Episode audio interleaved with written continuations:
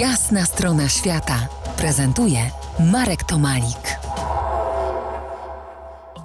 Dzień wcześniej przed naszymi wyborami i referendum Australijczycy staną przed własnym, jakże ważnym referendum i odpowiedzą na pytanie: Proponowana ustawa, zmiana konstytucji w celu uznania pierwszych ludów Australii poprzez ustanowienie głosu aborygenów i mieszkańców wysp w cieśninie Torresa. Czy zgadzasz się z proponowaną zmianą? To tyle cytat tego pytania referendalnego. Iwono, mieszkasz w Australii. Czy mogę cię zapytać, jakbyś głosowała? Ja muszę głosować przede wszystkim. To nawet nie jest kwestia, jakbym głosowała, tylko jako obywatel Australii y, mam obowiązek y, głosowania. Głosowanie są obligatoryjne, mandatory.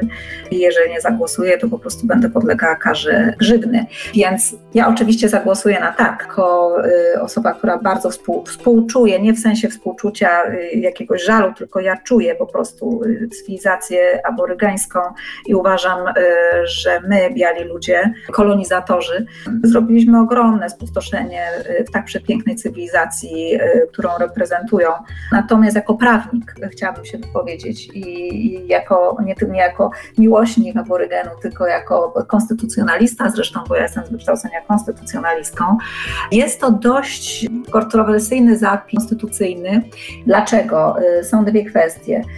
Mówi się, y, są różne, różne jakby głosy na ten temat y, przez praktyków prawa wygłaszane w Australii i ja się z niektórymi zgadzam, mianowicie, że jest to prawo dodane dla aborygenów. Aborygenie stanowią 3,2% społeczeństwa australijskiego i pozostały procent społeczeństwa australijskiego jest jakby złożony z bardzo wielu małych, pomniejszych grup etnicznych. Jeśli weźmiemy pod uwagę, że prawo do posiadania jakby takiego advisory body przy parlamencie i przy organach wykonawczych będzie posiadała tylko jedna grupa etniczna, e, czyli aborygeni, to jest to jakby krzywdzące wobec pozostałych grup etnicznych, które takiego uprawnienia nie otrzymały. Tak, ja bym bardzo chciała, żeby aborygeni mieli taki głos, natomiast chyba nie powinniśmy tego regulować konstytucją, a ustawą. Ona by dawała jakby troszeczkę więcej więcej równości i przestrzeni dla e, tego, żeby wprowadzić w przyszłości być może również takie bodies dla innych mniejszości australijskich. To już jest y, dyskusja na inny temat, y, niekoniecznie nas tak bardzo zajmujący, bo Australia jest bardzo daleko.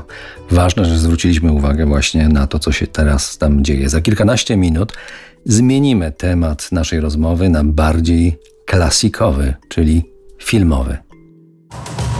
To jest jasna strona świata w RMS Classic.